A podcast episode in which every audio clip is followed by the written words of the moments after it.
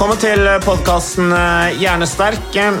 Ole Petter, eh, nå begynner det faktisk å nærme seg jul eh, og nyttår. eh, Og da tenker jeg at da må vi ha en ny runde med dette her med nyttårsforsetter.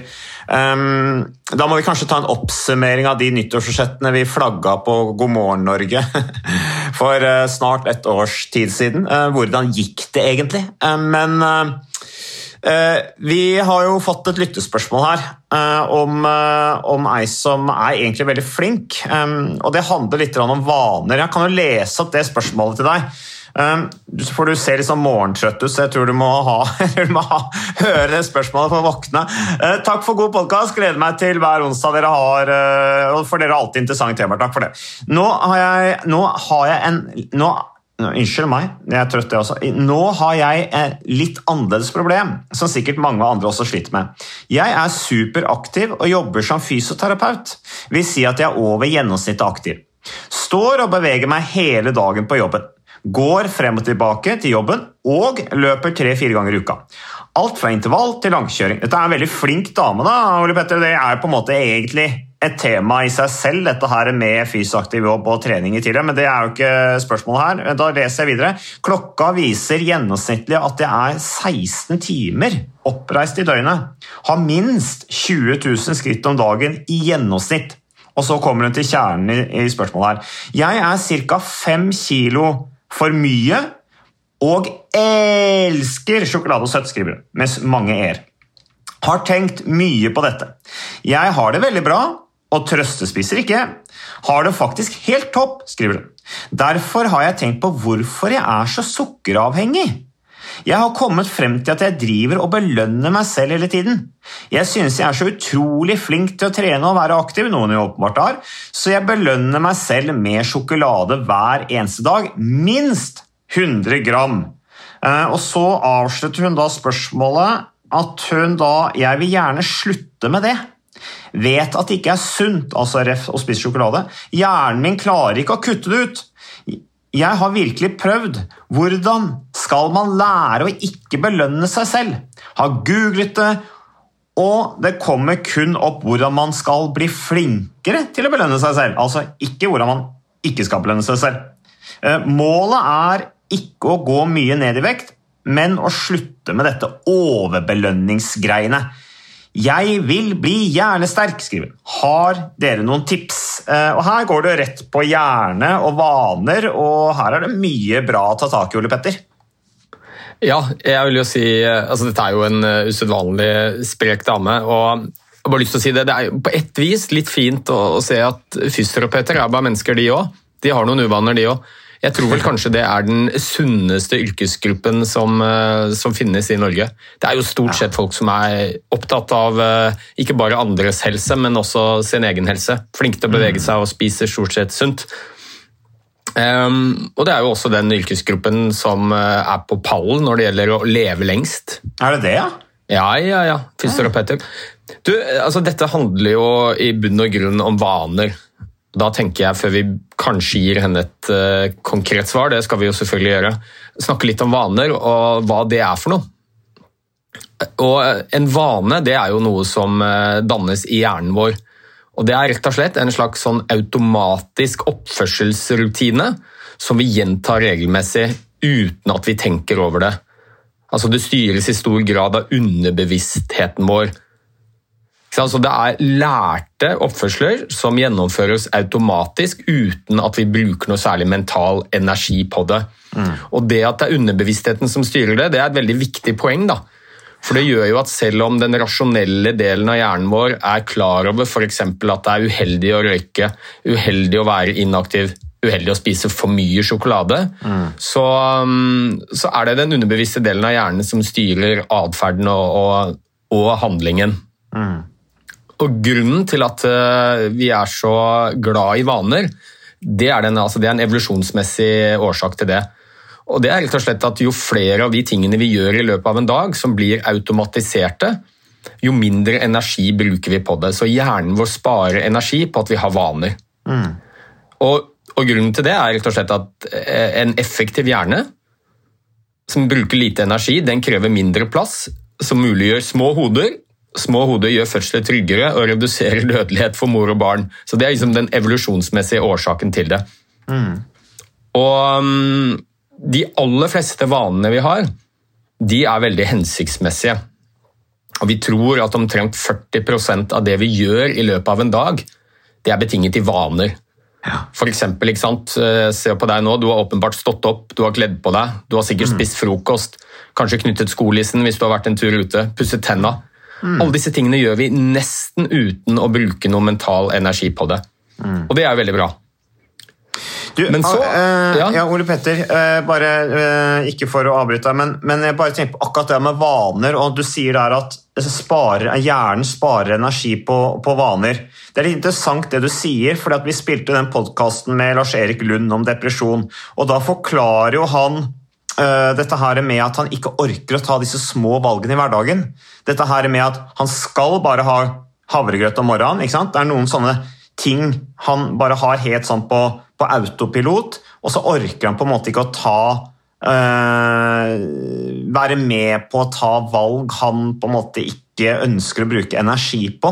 Eh, og det, det er jo litt sånn, føler jeg litt sånn relevant i det du sier der om at hjernen sparer energi med å ha vaner, at vi på en måte beskytter oss selv da, med å etablere de vanene. Ja, absolutt, og dette er jo i kjernen av det vi snakker om. Hjernen vår er egentlig ganske lat. Den ønsker å bruke minst mulig energi på de tingene vi gjør i hverdagen. Så hvis du klarer å få en hensiktsmessig handling, f.eks. det å trene regelmessig, det å pusse tenna, det å spise sunt, det å få nok søvn Hvis du ønsker å få gjennomført det daglig, så er det alfa og omega at det blir en vane i livet ditt. For da trenger du ikke å bruke noe energi på det. Altså, det skjer nærmest automatisk. Eh, Og det er jo litt av nøkkelen i dette. ikke sant? Hvis du skal gå fra å ha en inaktiv livsstil til å bli mer aktiv, så koster det. Det er fryktelig mye energi i starten. Vaner er inngrodde handlingsmønster i hjernen.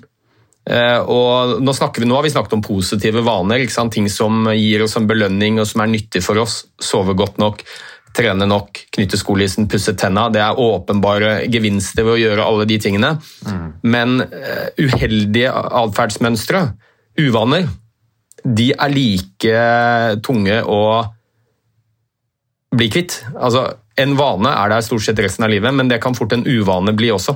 Eh, Så, så det handler mye om at du må innstille hjernen din på at en del handlinger de bør skje automatisk, sånn at du slipper den argumentasjonen med deg selv. Altså hjernen din Det blir en litt sånn slåsskamp da, ikke sant? hvis ting ikke har blitt en vane. Og så lurer du på om du skal ut og trene, så er det sikkert en del av hjernen din som tenker det er superbra, det har jeg lyst til. Men så er det en sånn slåsskamp eh, med den andre delen av hjernen din som tenker nei, jeg er litt sliten i dag, eh, kanskje burde jeg bruke tiden på noe annet, og Så, videre. så liksom nøkkelen til atferdsendring over tid, det er at disse handlingsmønstrene må bli vaner. Jeg tenker i forhold til uh, dette her med stress, uh, Ole Petter, at uh, etablerte vaner kan vel være med å dempe stressnivået, egentlig? Ved at man går liksom på autopilot. Og så en annen, en annen spørsmål som kanskje vi kan ta opp det samme. Altså, hvor mange, har du noen sånne tanker om hvor mange vaner et menneske egentlig kan ha? Altså Går det en grense for hvor mange vaner vi egentlig kan på en måte etablere? Nei, egentlig ikke. Hjernen vår elsker vaner. Altså det hjernen vår vil, er at eh, flest mulig av de handlingene vi gjør i løpet av en dag, de skal være automatiserte. Det sparer hjernen energi på. Så, og så vet vi som sagt at eh, omtrent 40% i snitt da, av det vi gjør i løpet av en dag, er en vane. Men det er plass til flere. Men da gjelder det å, å passe på at de fleste av de eh, vanene som blir automatiserte, da, de er vaner og ikke uvaner. For hjernen er akkurat like glad i uvaner. Hele poenget er jo at hjernen er glad i alt som er automatisert, og som skjer i underbevisstheten, så man slipper å bruke mye energi på det. Så hjernen elsker en uvane like mye som den elsker en vane. Og, og da er jo litt av nøkkelen i svaret til uh, fysioterapeuten som har skrevet inn, det er kanskje ikke å kvitte seg med en uvane, men å bytte ut en uvane med en god vane. Ja, for her er det jo også her er det jo en del av den vanen at hun En ting er at hun spiser 100 gram sjokolade, og hun er jo såpass fysisk aktiv hun skriver at det er ikke sunt, men spørsmålet er egentlig hvor usunt det egentlig er òg. Eh, når hun lever et såpass aktivt og eh, relativt sunt liv som det hun gjør. Forbrenner jo masse også, så det kan jo være at sukkersuget da er relativt eh, At hun har et høyt energinivå. Eh, og dermed har behov for, for, kalorier, rett og slett. Men den vanen begynner jo idet hun går i butikken og kjøper den sjokoladen som hun planlegger å spise på jobb, tenker jeg. Eh, og da er det noe med ok, hva kan hun da kjøpe i stedet? For å gå i butikken og handle noe er jo en vane. Men da er det jo det, ja. Det skal han fortsette med, men da er det å kjøpe noe annet istedenfor den sjokoladen. Det, blir, det ja. vil jo da være en del av endringen av den vanen, da. Absolutt. Og så er det jo noe med at uh, de vanene som gir oss en belønning, de er jo vanskeligere å, um, å endre. Eller altså de uvanene da, som gir oss en belønning. Og for så vidt så gir så godt som alle uvaner oss en belønning i form av dopamin eh, i, i, hjernen. Men noen uvaner gir en kraftigere belønning enn andre. Vi vet f.eks. at nikotin, alkohol, en del rusmidler gir en voldsom dopaminbelønning i hjernen. Mm. Og da blir det selvfølgelig vanskeligere å endre den uvanen, fordi du blir så sterkt belønnet. Og så er det en diskusjon sånn i fagmiljøer om, man, om, det går an å bli sukkeravhengig, og der er liksom fagmiljøene litt delt. da. Men det er mye som tyder på at eh, vi også kan bli avhengig av eh, forskjellige typer matvarer. F.eks. matvarer med mye fett og mye sukker. Som evolusjonsmessig har vært viktig for oss for å overleve. Så det er klart, alle de uvanene som gir en så kraftig dopaminbelønning som eh, denne fysioterapeuten opplever ved sjokolade, de er litt mer tricky å endre. Mm. Men um, hvis jeg skulle gitt et helt konkret tips, og her kan man jo også diskutere litt hvor usunt er det. Så denne dama er jo superaktiv og, og åpenbart tar, tar, godt vare på seg selv. Og I forrige episode så snakket vi litt om dette med guilty pleasures. Mm. At man, man, bør kunne tillate seg selv å ha noen uvaner. Det er ingen som klarer å leve et perfekt liv. Men nå ønsker hun sterkt å slutte med den sjokoladen. Så da tenker jeg da, da bør vi komme med noen konkrete tips. Og Tipset mitt det handler rett og slett om å bytte ut den sjokoladen med noe annet. Noe annet som også gir en belønning. Mm. Det er klart at uh, sjokolade, Hvis du spiser 100 gram sjokolade hver dag, sånn som hun gjør, så, så har du fått en tredjedel av kaloriinntaket ditt fra den sjokoladen alene. Ja, for det er mye? eller? Altså, jeg klarer ikke å forholde meg til hvor mye 100 gram sjokolade egentlig er. Hvor mye er det egentlig? Er ikke det en sånn ganske stor uh, melkesjokoladeplate? da? Den uh, avlange, lange Ja, ok, det er såpass, ja. ja. ja. Det er kanskje en del. Jeg spiser sjokolade sjøl hver dag, stort sett, Ole Petter, men det er liksom sånn Jeg må ha noe til kaffen etter lunsj, og da er det gjerne en, en smil, f.eks. Uh, og kona mi syns jo det er helt utrolig at ikke jeg spiser opp hele den smilpakka. Men det er liksom det holder med den ene smilen. men ja. jeg, jeg, vet ikke om, eh, om det, Der er det forskjeller. Men det er fordi at jeg har bare vent meg til at det er nok. Men det er jo da etter at jeg har spist. da. Eh, sånn at det er jo ikke det behovet så stort for sjokolade. Så spørsmålet er også om hun kanskje da kunne lagt inn flere mellommåltider. Og kanskje at eh, det sukkersuget vil bli noe redusert Eh, og at hun kanskje kan istedenfor å spise 100 gram sjokolade, kan gå ned til 50 gram sjokolade eh, og supplere med noe annet, og så gradvis gå ned. da. Sånn at den 100 gram sjokolade kanskje varer en hel uke. Yes, ja. Du, så jeg, jeg, tror mitt viktigste tips er å ikke prøve bare å kutte ut den uh, sjokoladen, men prøve å erstatte den med noe annet. Mm. Og Det mest nærliggende da tenker jeg, er jo å kutte ut med en annen type sjokolade som, eh, som, for det første inneholder litt færre, færre kalorier, men som også er mye, mye sunnere. Så hvis du f.eks. tok eh, den 100 grams eh, hvite melke, eller lyse melkesjokoladen som jeg leser mellom linjene der at hun spiser, og så kan du bytte den ut gradvis med mørk sjokolade. Mm. F.eks. sjokolade som inneholder minst 70% kakao. Så vet vi jo at der inneholder det i disse kakaobønnene inneholder det masse uh, sunne flavonoider, som er antioksidanter, som virkelig er bra for hjernen. Mm. Og Det er faktisk ganske godt dokumentert at det å spise litt mørk sjokolade eller sagt på en annen måte, å spise disse flavonoidene da, som du bl.a. får i blåbær og du får det i mørk sjokolade, det er superbra for hjernen. Mm. Bedre kommunikasjonen mellom nervecellene, eh, gir deg bedre oppmerksomhet og hukommelse, kan være med på å forebygge sykdom. Så, så det er mitt tips istedenfor å bare si at nå kutter jeg ut den sjokoladen, for det, det er vanskelig. Mm. Så prøv heller å skalere litt ned. Kanskje til å begynne med spis halvparten så mye av den vanlige sjokoladen, og så tar du litt mørk sjokolade. Mm. 70% kakao eller mer. Den vil også gi deg en belønning, kanskje ikke like kraftig som den andre, for den inneholder litt mindre sukker, eller betydelig mindre sukker og litt mindre fett. Mm. Men sannsynligvis så vil den gi deg en ganske decent belønning. Så det er min anbefaling, at du går over til litt mørkere sjokolade gradvis, og så ser du om du kan erstatte den eh, lyse sjokoladen med den mørke. Mm. Kanskje kombinert også med isbed, Ole Petter, med litt cashewnøtter uten salt, f.eks. Um, type gull, altså, gulrot, grønnsaker, sånne ting i tillegg. For da, da begynner vi å snakke om et godt sammensatt uh, lite måltid som faktisk varer litt lenger. Stabiliserer blodsukkeret litt mer. Uh, så nei, så det, det, jeg er helt enig med deg der. Petter, at, uh, men dette overbelønning som en skriver om, som en ønsker å kutte ut, det er rett og slett dopaminen. det altså. Ja, det er stort sett dopaminen som gjør det. Så jeg er litt, litt sånn delt her. Jeg er veldig for at uh, man bør ha en en guilty pleasure, det gir en glede og kan gi livskvalitet i, i seg selv. Så uh, jeg prøver å ikke være veldig sånn streng og si at man skal kutte ut alt som er usunt, men nå ønsker hun å kutte det iallfall ned på det. Så da, da er iallfall mitt tips at uh, gjør, gjør litt gradvis. Bytt ut den uh, lyse sjokoladen med noe annet, f.eks. litt mørk sjokolade. Mm. Det er mye mer effektiv måte å nå målet på enn å bare si at nå skal jeg kutte helt. Altså Rett og slett erstatte en vane eller uvane med en litt mindre uheldig uvane. Mm. Og, og, det, og, det er jo samme prinsipp når vi skal prøve å få folk til å slutte å røyke. Så hender det jo faktisk at jeg anbefaler de å begynne å snuse. Ikke fordi snus er veldig sunt, og jeg anbefaler jo ingen som ikke bulker tobakk å begynne å snuse, men sliter du med å bli kvitt røykinga di, som er superhelsefarlig, så er det bedre at du bytter ut en veldig uheldig vane å røyke med en litt mindre uheldig snuse. Det gir en formidabel helsegevinst, og så får du fortsatt belønning. Ja, og der er det jo også for de som jeg også snakker med som røyker, eh, og de sier ja, jeg, skal, jeg kan jo ikke mosjonere for jeg driver og røyker, og så sier jeg ja, men jo, jo mer du røyker, jo bedre er det at du mosjonerer.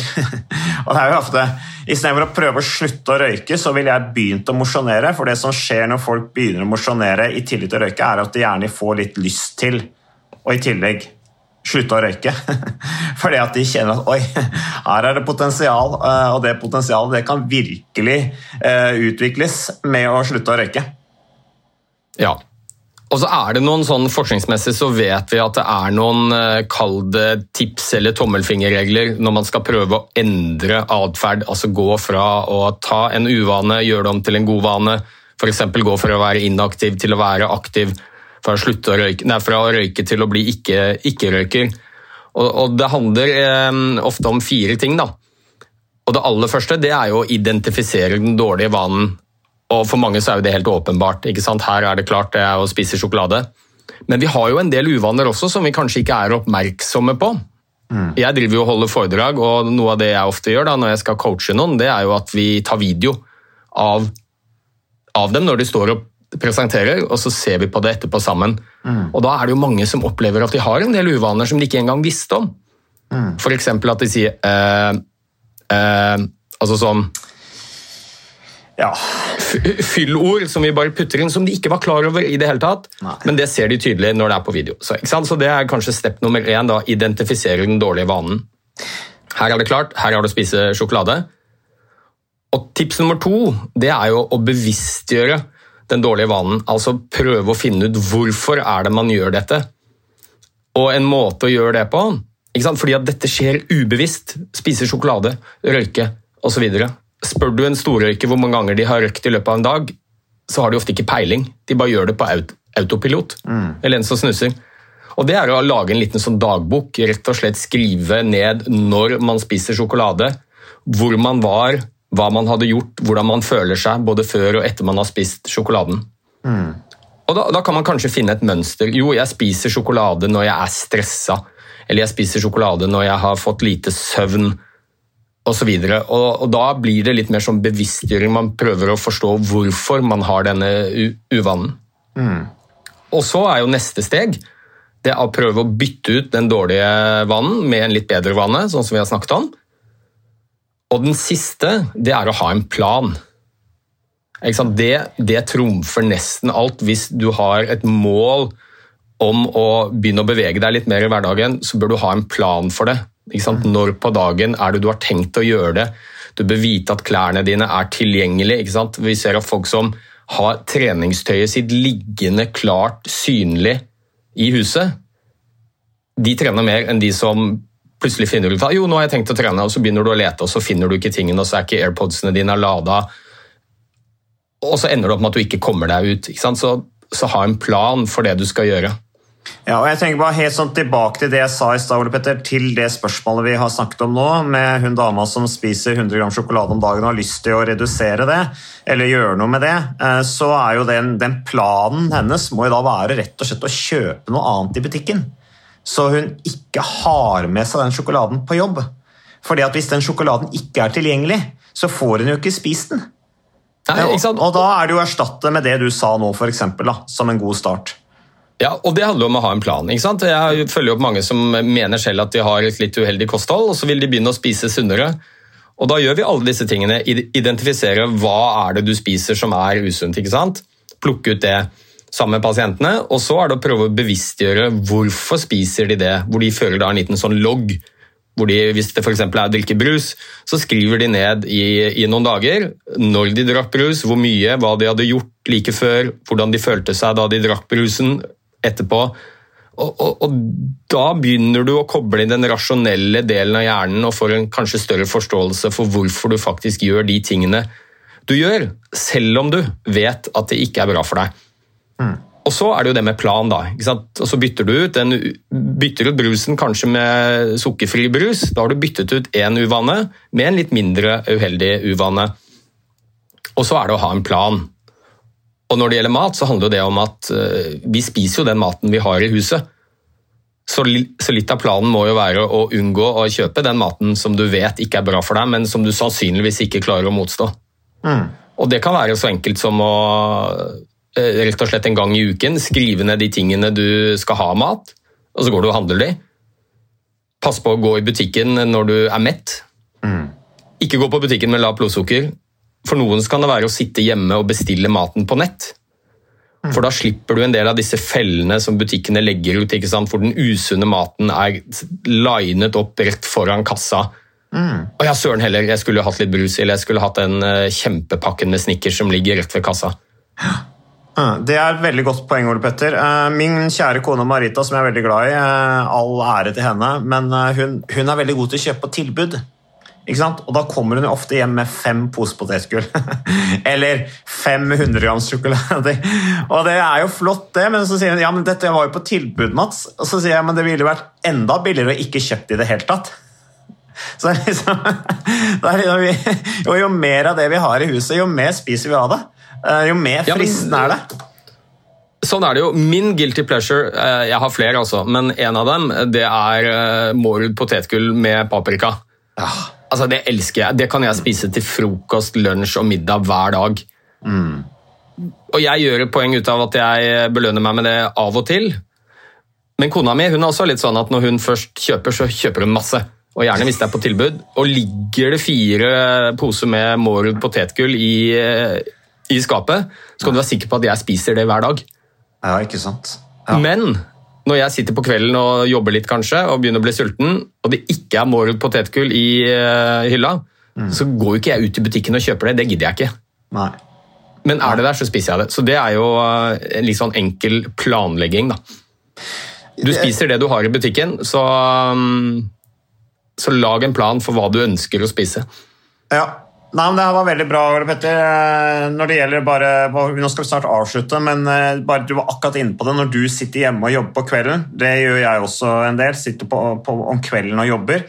Og da på en måte, det er akkurat som jeg trøstespiser. Jeg tenker ikke på det som trøstespising, men da har jeg ekstra sug etter å sitte og knaske på et eller annet. Og det er jo da gjerne dette arsenalet av potetgull da, som vi har liggende inne i skapet her i huset.